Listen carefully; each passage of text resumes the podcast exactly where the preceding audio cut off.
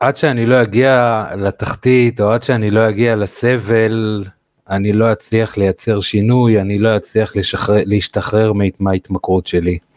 זה משפט שחוזר על עצמו המון המון פעמים, שאני שומע אותו לא מעט, גם בטיפולים שאני עושה וגם טלפונים שאני מקבל מאנשים, שהם אומרים, אני לא בטוח כרגע שאני בשל ליצור את השינוי הזה, אני לא בטוח שאני מספיק מוכן כרגע לוותר על ההתמכרות שלי, כיוון שעדיין לא סבלתי מספיק, כיוון שעדיין לא הגעתי לאיזושהי תחתית.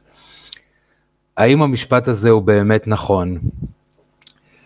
אז שלום, קודם כל ברוכים הבאים, אתם נמצאים, אתם מאזינים כרגע לפודקאסט מולד הלבנה, פודקאסט שעוסק בהתמכרויות ובטיפול מהתמכרויות בדרך אחרת, בדרך אה, נוחה לכם. שמי אבירות, אני כבר מטפל בהתמכרויות 17 שנה, ובשנים האחרונות אימצתי את הכלים ואת הרעיונות של ה-NLP לתוך הטיפול מהתמכרויות. ראיינתי עשרות אנשים שהפסיקו התמכרות בכוחות עצמם כדי באמת למצוא את המודל המתאים, נכון והקל כדי לעזור לכם להשתחרר מההתמכרות שלכם בצורה הכי נוחה ובצורה שתחזיק מעמד באמת לאורך שנים.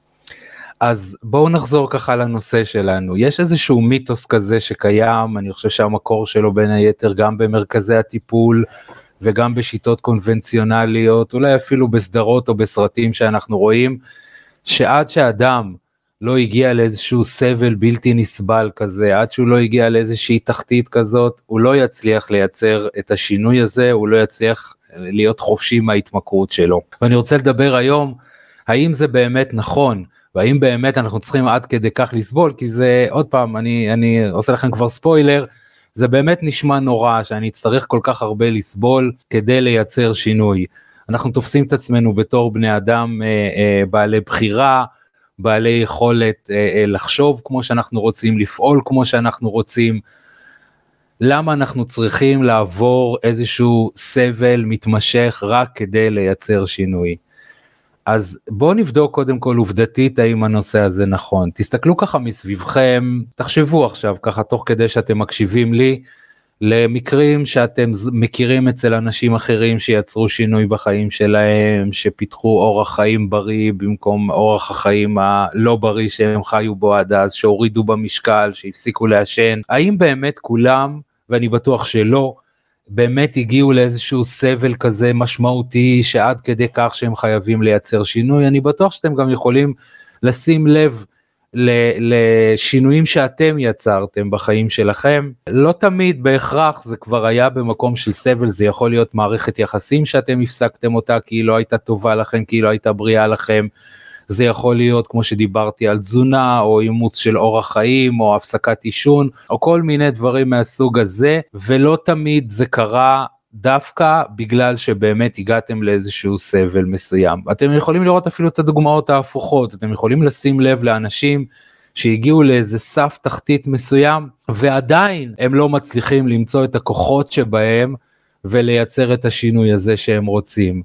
זאת אומרת אדם יכול להגיע למצב שבו כבר הריאות שלו במצב מאוד מאוד לא טוב, הוא יכול להגיע לרופא, הרופא יגיד לו תשמע אם אתה ממשיך בדרך הזאתי אז אה, זה לא לא נשאר לך עוד הרבה זמן ולפעמים אנשים אפילו מתוך הלחץ הזה פשוט ימשיכו לעשן אפילו בצורה יותר חמורה לפעמים כתוצאה מה, מה באמת הלחץ הזה שנכפה עליהם. אנחנו כמובן גם רוצים לייצר שינוי דווקא בתנאים שעדיין הרבה יותר קל לנו לייצר שינוי, שאנחנו עדיין בריאים, שאנחנו עדיין מחוברים לכוחות שלנו, שעדיין המשפחה שלנו היא שלמה. אנחנו לא רוצים להגיע למקום שבו אנחנו כל כך נסבול, שלא רק אה, אה, אה, שלא תהיה לנו ברירה לייצר שינוי, אבל גם יהיה לנו מאוד מאוד קשה כרגע לייצר שינוי, כי אנחנו לא במיטבנו, וכשאנחנו במיטבנו תמיד הרבה יותר קל לנו לייצר. אז קודם כל באמת אתם יכולים לאסוף ככה דוגמאות לעצמכם של אנשים ושל עצמכם במקומות שבהם אתם יצרתם שינוי ולשים לב שהעובדה הזאת היא לא נכונה לגמרי, זאת אומרת זה נכון שלפעמים כשאין לנו ברירה אנחנו באמת, אה, זאת אומרת הגענו לאיזשהו משקל ובאמת בגדים פתאום לא עולים עליי, זה מבאס מאוד מאוד עכשיו לחשוב פתאום שמהמידה הזאת הגעתי למידה הזאת ואני מרגיש שכבר די אי אפשר יותר ואז אני מייצר את השינוי, זה נכון. אבל זה לא אומר שבהכרח חייבים להגיע למצב הזה כדי ליצור את השינוי. אני אגיד ככה גם עוד נקודה מסוימת, שכשהשינוי נוצר כתוצאה מאיזשהו מצב שלא הייתה לי ברירה אחרת, שבאמת הגעתי לאיזשהו נזק כל כך משמעותי, קורים שני דברים. הדבר הראשון הוא שאנחנו נרגיש אה, הרבה פעמים כמו קורבנות, ולא, ולא בהכרח כמו שאנחנו רוצים להגיע, להרגיש כמו אנשים עוצמתיים ובעלי בחירה, כי במציאות כזאת שבה הגעתי לרופא לדוגמה, והרופא אמר לי, תשמע, אם אתה ממשיך לעלות במשקל, או אם אתה לא באופן דרסטי כרגע, עושה משהו לטובת הבריאות שלך כדי להתחיל לרדת במשקל, זה לא טוב, המצב הוא ממש ממש גרוע כרגע, ובמצב הזה אני מחליט שאני עושה דיאטה, אז עוד פעם, כמו שאמרתי קודם, אני קודם כל ארגיש ש, שמשהו נכפה עליי, שזה לא בא מתוך הבחירה החופשית שלי, מתוך הרצון החופשי שלי, מתוך איזשהו מקום עוצמתי, אלא, אלא מתוך מקום שלא הייתה לי ברירה, לא באמת הייתה לי ברירה אחרת, ואנחנו תמיד שואפים שיהיה לנו לפחות כמה אופציות. ובמצב כזה לא נשארו אופציות, האופציה היחידה היא באמת לייצר את השינוי הזה. כשאנחנו מדברים על התמכרויות בהקשר הזה, אז לא רק שאני ארגיש באמת קורבן ולא בן אדם בעל בחירה במציאות, במציאות הזו, אני גם כל הזמן אתגעגע או אחשוב על ההתמכרות שלי, על הסמים, על האלכוהול, זאת אומרת שאם רק הייתה לי אופציה אחרת, הייתי עושה את זה בצורה אחרת. אבל לא הייתה לי אופציה כי הגעתי למצב כזה גרוע ואני הרבה פעמים שומעים, שומע אנשים שממשיכים לדבר אחר כך ולהגיד שמע אני מאוד אוהב סמים או אני מאוד אוהב אלכוהול אבל מה לעשות אין לי ברירה כי אם אני אמשיך אני, אני אמות אחר כך. או אני אפגע בעצמי בריאותית בצורה נוראית, או כבר לא נשאר לי כסף יותר כדי לתחזק את ההימורים שלי, או כל מיני דברים כאלה, אבל ההחלטה, קשה מאוד שהיא תיעשה מתוך לב שלם. אני לא אומר שזה לא החלטה שלא יכולה להחזיק, זאת החלטה שבהחלט יכולה להחזיק, כי לפעמים אנחנו מכירים את עצמנו, לפעמים כשהמקל נמצא מאחורה ואנחנו מרגישים את האיום, אז אנחנו הולכים קדימה. אבל עדיין משהו שמה לא יהיה במאה אחוז שלם. מציאות שבה אנחנו רוצים לשאוף ולהגיע אליה היא מציאות שבה אנחנו אה, בוחרים מתוך כמה אפשרויות שיש לנו, אה, אנחנו בוחרים את המציאות שהיא אפשרית לנו. תחשבו על זה למשל שנכנסתם עכשיו חנות אה, בגדים ואתם רוצים לקנות מכנסיים כי יש לכם אירוע קרוב, או זוג נעליים, והמוכר בא ומציע לכם אה, זוג נעליים אחד. זה הזוג נעליים שיש כאן. אני בטוח במאה אחוז שאתם עושים באותו רגע סיבוב אחורה ואתם הולכים. זה נכון, בסוף אתם, אתם רוצים לצאת עם זוג נעליים אחד, אבל אתם רוצים שתהיה לכם בחירה. אתם לא רוצים עכשיו להיכנס לאירוע ולחשוב, אוקיי, זה הנעליים היחידות שהיו, ולכן קניתי אותם. אתם רוצים כן לחשוב עם עצמכם שהיו לכם לא מעט אופציות, כמה אופציות, ובחרתם מתוכם את הנעליים או את המכנסיים שמצאו חן בעיניכם הכי הרבה, וזה משהו שמלווה אותנו לא, לאורך כל החיים שלנו. אנחנו רוצים שתהיה בחירה, אף אחד לא ייכנס לחנות ספרים שיש בה ספר אחד למכירה. זה נכון שבסוף אנחנו קונים את הספר שאנחנו מאוד רוצים, אבל, אבל גם אם אפילו אם הגענו עם השם של הספר ואנחנו בדיוק יודעים מה אנחנו רוצים, אנחנו עדיין רוצים להיכנס לחנות שיש בה אפשרויות. אנחנו עדיין רוצים לשבת במסעדה שיש בה תפריט, לא משנה אפילו זה חומוסייה, אנחנו רוצים שיהיה כמה סוגים של חומוס, ומתוכם אנחנו נוכל לבחור. אני יכול להגיד לכם באופן אישי, אני תמיד בוחר את המנה שאני אוהב, יש כאלה שמגוונים יותר אולי, אבל עדיין גם אני לא אשב במקום, או קשה לי לראות את עצמי יושב במקום, שיש בו רק דבר אחד שמציע לי. אנחנו רוצים בחיים ליצור לעצמנו מציאות שבה יש לנו כמה אופציות ומתוכם אנחנו רוצים אנחנו רוצים לבחור את האופציה הנכונה. יש עוד משהו בדבר הזה שמשאיר אותנו באמת אנשים שהם אה, אה, לא לא לוקחים אחריות אה, לחיים שלהם ו- ואני נתקל בזה לא מעט אה, אה, בקליניקה ו- וזה לא הופך אנשים למאושרים ההפך או הנכון. זה משאיר אנשים בתחושה של אומללות. זאת אומרת, כשאני לפעמים שואל אנשים לגבי החלטות שהם ביצעו בחיים, אז באמת יש אנשים שכאילו החיים נכפו עליהם, זאת אומרת שכאילו בחיים הם לא לקחו אף פעם איזושהי החלטה. אוקיי, למה יצאת מהזוגיות הזאת? כי הוא נפרד ממני, כי היא נפרדה ממני. למה אה, אה, עשית את התואר הזה? כי זה מה שההורים שלי אה, שלחו אותי לעשות את התואר הזה והזה. למה הלכת למקצוע המסוים הזה? כי היה אה, אה, אז איזה אה, באז תקשורתי כזה שללכת למקום הזה, אבל זה אף פעם לא משהו שרציתי. עכשיו, אנחנו לא רוצים לחיות בחיים שבהם אנחנו אה, אה, מסתכלים אחורה ואומרים, וואו, לא קיבלנו החלטה. אלא הדברים פשוט נאמרו לנו, נכפו עלינו, הומלצו לנו, נדחפנו לשם, מישהו אחר עשה את, ה, את הצעד הזה עבורנו. כי זה לא רק שזה יהיה לי לא נעים כרגע בתחום הספציפי הזה שבו עשיתי את השינוי, כמו למשל בהתמכרות, אוקיי, הפסקתי לשתות כי לא הייתה לי ברירה, זה גם משפיע עלינו בתחומים אחרים של החיים. גם כשאנחנו ניגשים לתחומים אחרים של החיים, אנחנו לא ניגשים אליהם מתוך ביטחון ומתוך באמת היכולת הזאת לבחור ולהחליט, אלא, אלא מתוך מקום שבו זה, זה הוחלט בשבילנו וגם פה אנחנו אולי נרצה, נחפש מישהו ש... יחליט בשבילנו, אתם מכירים בטח אנשים כאלה שמאוד מאוד קשה להם לקבל החלטות, כי הם מפחדים לשאת באחריות של ההחלטה שלהם, והם הרבה פעמים רוצים שמישהו אחר יקבל את ההחלטה הזאת בשבילם. או אפילו יכריח אותם, ואולי אפילו בהמשך יהיה להם את מי להאשים במידה וההחלטה הזאת לא תהיה נכונה. אבל כשאני לוקח את ההחלטה הזאת מתוך המקום שעדיין הבריאות שלי שלמה, עדיין יש לי כסף גם להמשיך להמר גם מחר, עדיין יש לי אפשרויות ובכל אופן אני בוחר בחיים שלי, אני בוחר בבריאות שלי, אני בוחר מתוך מקום מאוד מאוד בריא, תהיה לזה השפעה לא רק על המקום הזה, כי כשאני מצליח שם, אני יכול להצליח בעוד המון המון מקומות אחרים, אני יכול לבחור את ההחלטה הנכונה, ודרך אגב, גם אם אני אטעה, לא קרה כלום, אני יכול לקחת את האחריות על עצמי ולהבין שזה חלק מהחיים ולהמשיך באמת גם לתחומים אחרים בנקודה הזאת. אז כמו שאמרתי, זה איזשהו מיתוס שהוא נכון במקרים מסוימים, הוא לא נכון במקרים אחרים. זה לא שזה לא נכון לגמרי, אבל, אבל באמת הדרך הבריאה שאנחנו נרצה לשאוף אליה תמיד, היא הדרך הזאת ואני אתן לכם את זה אפילו בעוד איזשהו דוגמה כזאת מעולם אחר קצת דמיינו עכשיו שחבר מתקשר אליכם או אתם נפגשים והוא מספר לכם שהוא היה באיזושהי מסעדה והמסעדה הזאת היא באמת באמת מדהימה האוכל שם הוא מיוחד והמוזיקה שמתנגנת שם היא, היא יוצאת דופן.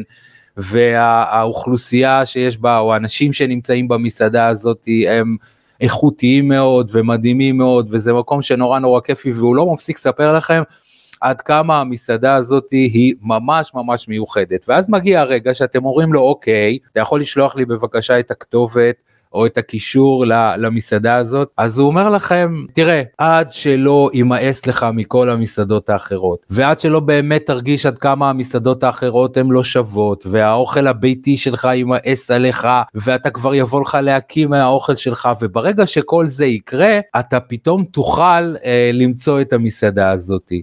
אני חושב שזה נשמע לכם לכולנו זה נשמע מאוד מאוד לא הגיוני פשוט מאוד תן לי את הכתובת ואני אגיע לשם אני לא צריך עכשיו לסבול מהאוכל הביתי שלי כדי אה, ללכת ולחפש מסעדה. אני לא צריך אה, אה, להבין שהמסעדות האחרות הן כל כך נוראיות בשביל שיהיה לי את המוטיבציה עכשיו לחפש את המסעדה הטובה הזאת, זה ממש לא הגיוני. ואני אגיד לכם גם יותר מזה, יכול להיות שהמציאות היא כזאת שהאוכל הביתי שלי הוא מאוס עליי, ועברו כמה שנים וכבר לא בא לי לאכול את האוכל הזה. גם המסעדות האחרות לא מוצאות חן בעיניי, זה עדיין לא, לא נותן לי שום ערובה לזה שאני אצליח למצוא את המסעדה הזאתי. אז למה בטיפול אנחנו כן אומרים את זה? הרבה פעמים כשבן אדם מגיע טיפול למטפל או למקום טיפולי או, או אפילו מדבר עם אנשים, אז אנשים אומרים לו תשמע, כשממש ממש יימאס לך מהמקום הזה, כשממש אתה תרגיש שהדרך שאתה נמצא בה היום היא לא טובה בשבילך, היא לא מועילה לך, היא לא נותנת לך כלום, זה יהיה המקום שבו אתה תמצא דרך חדשה. אז קודם כל, למה אני צריך באמת לסבול עכשיו עוד שנה, עוד שנתיים, או אפילו חודשים. למה אני צריך לסבול כדי באמת למצוא דרך חדשה? למה אני צריך לעבור באמת את כל ההתעללות הזאת שאני מתעלל בעצמי, ורק אז זה, זה לא נשמע הגיוני. וגם אם עברתי את השנים האלה, מי אמר שבאמת אני אצליח למצוא את הדרך הנכונה הזאת? עכשיו, במידה ויש דרך כזאת, אז בוא תראה לי אותה עכשיו, ואני אגיע, יופי, האוכל שלי בבית הוא טעים וכיף לי, והאוכל uh, במסעדות הוא נהדר, ועדיין אני רוצה לחפש את המסעדה היותר טובה או את הדבר היותר טוב. אם זה נכון לגבי מסעדה, זה נכון על אחת כמה וכמה, בעיניי לפחות, לגבי כל מה שקשור לבריאות הנפשית שלנו ולרווחה האישית שלנו, שאנחנו נוכל לחיות באמת מתוך רווחה. עוד לא סבל סבלנו לגמרי מה, מההתמכרות. דרך אגב, גם המשפט הזה, לא הגעת לתחתית, מי יודע איפה זה התחתית, מי יודע מתי זה התחתית. יש אנשים שהפעם הראשונה שלהם בכלא מאירה אותם, יש אנשים שהפעם העשירית לא מאירה אותם. יש אנשים שהמצב הבריאותי שלהם, תוצאות בדיקות שלהם, יכולים להעיר אותם. ו- ולגרום להם לשנות את אורח החיים שלהם. יש אנשים שגם כשהם מקבלים את הבדיקות הלא טובות, ואתם מכירים את זה אני מתאר לעצמי מסביבכם ואולי גם בדברים מסוימים בכם. זה עדיין לא מביא אותם אז מי, מי יכול להגיד לי איפה תהיה התחתית? מה המספר שצריך להיות בתפקודי כבד שלי כדי שאני ארצה להפסיק לשתות אלכוהול? מה צריך להיות אה, אה, כל כך נורא בחשבון הכלכלי שלי בחשבון הבנק שלי? עד כמה מינוס אני צריך לצבור כדי שאני אוכל להגיד לעצמי אוקיי אני הולך עכשיו להפסיק להמר או, או להוציא כסף כרגע על סמים. אני יכול להגיד לכם אפילו יותר מזה כולנו מכירים את הסיפור של זוהר ארגוב ויש שם איזשהו ראיון מאוד מפורסם איתו בדן שילון שכשדן שילון שואל אותו אתם יכולים למצוא את זה ביוטיוב למי שעוד ככה זוכר את התקופה הזאת. דן שילון שואל אותו מי אתה יודע כשהגעת לפה אז אה, אה, זוהר ארגוב כבר היה גמול והוא שאל אותו תגיד לי מי מבטיח שאתה לא משקר עליי ושאתה באמת באמת הולך להפסיק את ה... אתה לא תחזור יותר לסמים. וזוהר ארגוב אומר לו תשמע אני אחרי פעם שלישית שחוויתי מוות קליני עכשיו. רק כשאתם שומעים את המשפט הזה, מה, לא הספיק לך פעם אחת מוות קליני, לא הספיק לך פעמיים מוות קליני, ומה כל כך מיוחד במספר 3, אני מקווה שאני לא טועה בפעמים, אבל אולי בפעם החמישית של מוות קליני, אז זה יעיר אותך. למה דווקא הפעם השלישית? אז יש פה משהו שהוא לא נתפס בהיגיון, ואני רוצה לקחת את זה למקום אחר לגמרי. והמקום הזה הוא שיש בנו באמת איזשהו נקודה פנימית כזאת, אנחנו לא תמיד יודעים בדיוק להצביע עליה, אבל כשהיא מתעוררת אנחנו מסוגלים לייצר את ההחלטה הנכונה עבורנו. לפעמים היא באה באמת כתוצאה מהמון המון סבל, לפעמים היא יכולה לבוא כהערה, אה, דווקא דרך איזשהו ספר שקראנו, סרט שראינו, משפט ששמענו ממישהו, אולי אפילו דוגמה, אני יכול פתאום לעבור ו- ולשבת לקפה עם חבר, ואני רגיל ששנינו מוציאים כרגע את הסיגריות שלנו כל אחד, ו- וביחד עם הקפה אנחנו מעשנים סיגריה, ופתאום הוא אומר לי, תשמע, הפסקתי לעשן, אני כבר שלושה חודשים לא מעשן. ובאמת יכול להיות שדווקא המפגש הזה יאיר בי, אה, בעין, יאיר בי משהו, שאוקיי אם הוא הצליח אז גם אני יכול להצליח לא תמיד אבל מאוד מאוד יכול להיות ולפעמים זה צירוף של כמה מהדברים האלה שדיברתי עבודה חדשה כל מיני דברים שמייצרים אצלנו איזושהי נקודה פנימית.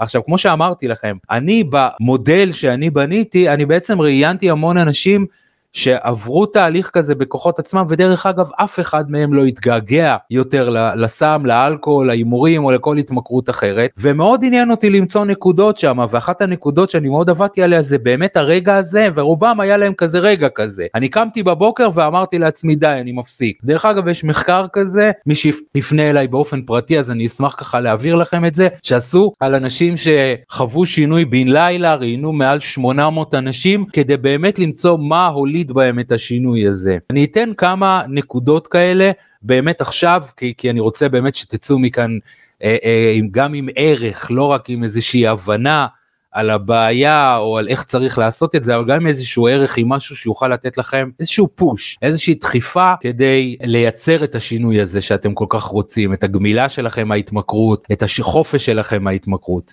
אתם יכולים להסתכל על עצמכם, ככה לשחזר את ההיסטוריה שלכם ולבדוק מקומות שבהם אתם יצרתם שינויים. כמו שאמרתי, שינוי יכול להיות מעבר תזונה פחות בריאה לתזונה בריאה, התחלתם לעשות ספורט, הפסקתם לאכול משהו לא בריא, זה יכול להיות אה, הפסקתם מערכת יחסים, יצאתם מתוך מערכת יחסים שלא הייתה טובה לכם, ואולי אפילו לפעמים ממש לא בריאה לכם. זה יכול להיות אפילו במעבר דירה מדירה קטנה שלא התאימה לכם, דירה שפתאום אה, אה, כמובן הולמת יותר את הצרכים שלכם, או אפילו החלטה כזאת של למכור רכב שכבר עשה לכם כל כך הרבה בעיות, ו... אבל במשך שנים אולי הרגשתם שאתם קשורים אליו, והיה קשה לכם ככה להיפרד ממנו, למי שיש לו את הנטייה הזאת להיקשר לחפצים. או, או לדברים אחרים. אתם תוכלו לראות שלושה דברים שחוזרים על עצמם.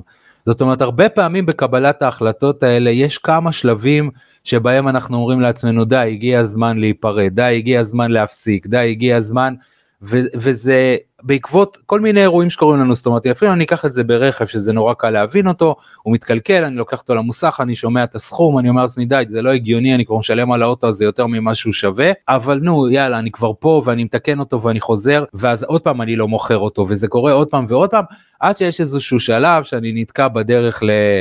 אה, לא יודע מה חתונה שהיא מאוד חשובה לי ואני אומר די זהו אני עם האוטו הזה לא ממשיך לנסוע יותר אני מוכר אותו מחר בבוקר ובאמת אני עושה את זה. אז זה השלב הראשון ואתם תוכלו לשים לב שאם בפעמים הקודמות אתם כשאתם חשבתם על זה אני חייב עכשיו למכור אותו חוויתם עוד פעם בתמונה הפנימית שלכם רק את האירוע הספציפי הזה בפעם האחרונה שזה קרה בעצם המוח שלכם כאילו אסף את כל העדויות את הפעם ההיא שנתקעתי בדרך למשפחה ואת הפעם ההיא בטיול שבזבזנו חצי יום כי לא הצלחנו להניע את האוטו ואת המוסך אה, לפני כמה חודשים שהוצאתי סכום לא היה שווה להוציא את זה וכשיש לי את כל ה... כאילו כמו איזה מערום כזה, כמו איזה בניין, קומה ראשונה, קומה שנייה, קומה שלישית, קומה רביעית, אני אומר לעצמי די זהו. זה כאילו, מכירים את המשפט הזה אני בטוח, הקש ששבר את גב הגמל. הרי הקש ששבר את גב הגמל זה לא הקש האחרון, זה הקש האחרון שמצטרף על גבי כל אה, אלפי או אני לא יודע כמה עשרות אלפי הקשים שכבר נמצאים על, ה, על הגמל. כששמו את הקש האחרון שם בעצם נשבר לו הגב. טיפ ראשון שאני אומר אתם יכולים לייצר את זה בעצמכם. זאת אומרת ברגע שתשבו ואולי אפילו תרשמו לכם על דף או תדמיינו את כל הפעמים שאמרתם לעצמכם enough די לא יכול יותר מספיק ממש ת, ת, תנסו לראות אותם ביחד כמו באיזשהו סרט.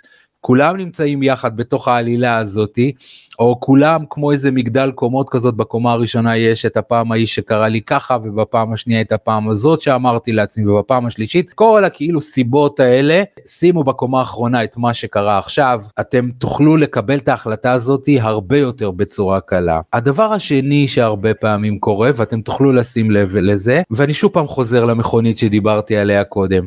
אם הרכב שלכם אז היה נראה לכם היה לכם הרי משהו מחובר אז כשדמיינתם אותו הוא היה נראה מאוד אני לא יודע איך להגיד את זה בהיר יותר זוהר יותר אה, אה, משהו שכאילו שם נוצר החיבור הזה פתאום בשלב הזה שאתם מקבלים את ההחלטה הזאת הוא נראה לכם הרבה יותר עמום הרבה יותר לא בהיר הרבה יותר כהה אולי אפילו בצבעים שלא בא לכם עליו.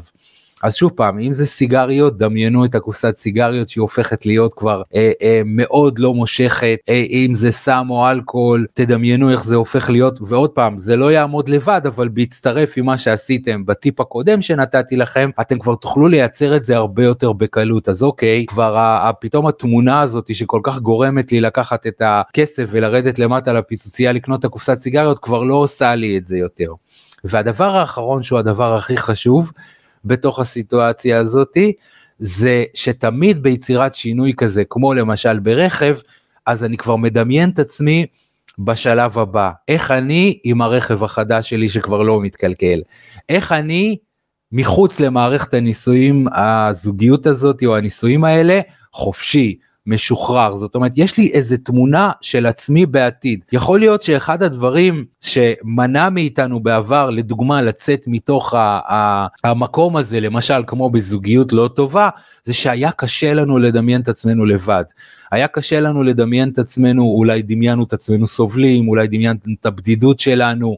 כשאני מסוגל לצייר תמונה אופטימית, לדמיין תמונה אופטימית של עצמי בעתיד, אני יכול כאן, אה, כבר הרבה יותר יש לי את הכוחות ואת המשאבים כדי לייצר וללכת לכיוון הזה של השינוי וכמובן שפה תוכלו לבחור לעצמכם את המטפל הנכון במידה ואתם מרגישים צורך את הבן אדם הנכון שילווה אתכם או את התוכנית הנכונה אפילו. יכול להיות שאתם תמצאו משהו ב... ב באינטרנט איזשהו תוכנית ליווי כזאת או תוכנית בכלל שנותנת לכם הדרכה איך לייצר את השינוי או את מה שאתם רוצים בכוחות עצמכם אפילו.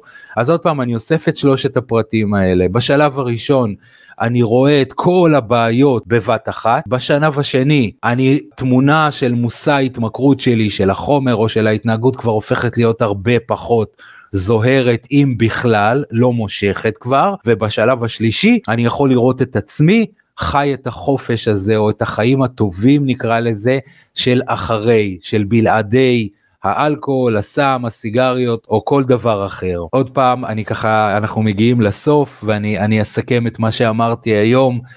לא חייבים להגיע לאיזשהו סבל, לא חייבים להמשיך לסבול לאורך זמן כדי לייצר שינוי, זה איזשהו מיתוס, מיתוס במובן הזה שזה חייב להיות, לפעמים זה עובד, לפעמים זה לא עובד, ולפעמים זה עובד וזה עובד בצורה לא טובה.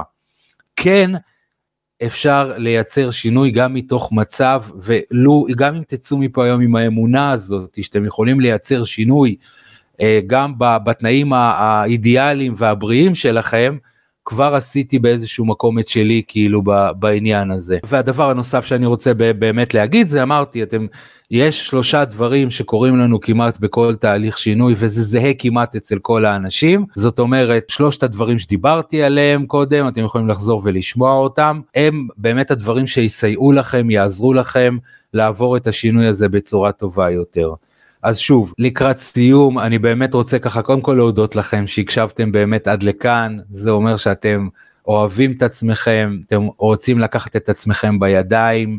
תודה על זה שהקשבתם לי. אתם מוזמנים לכתוב אליי דרך אה, המסנג'ר בדף הפייסבוק האישי שלי דרך אה, מס, דרך מספר הוואטסאפ שלי. אם יש לכם שאלות הערות תגובות כל מה שתרצו ואתם רוצים לשמוע ממני עוד קצת. אז 052 6251 477 אתם יכולים להירשם כדי לקבל את הפרקים החדשים כמובן ושוב תודה רבה לכם ונתראה בפרק הבא.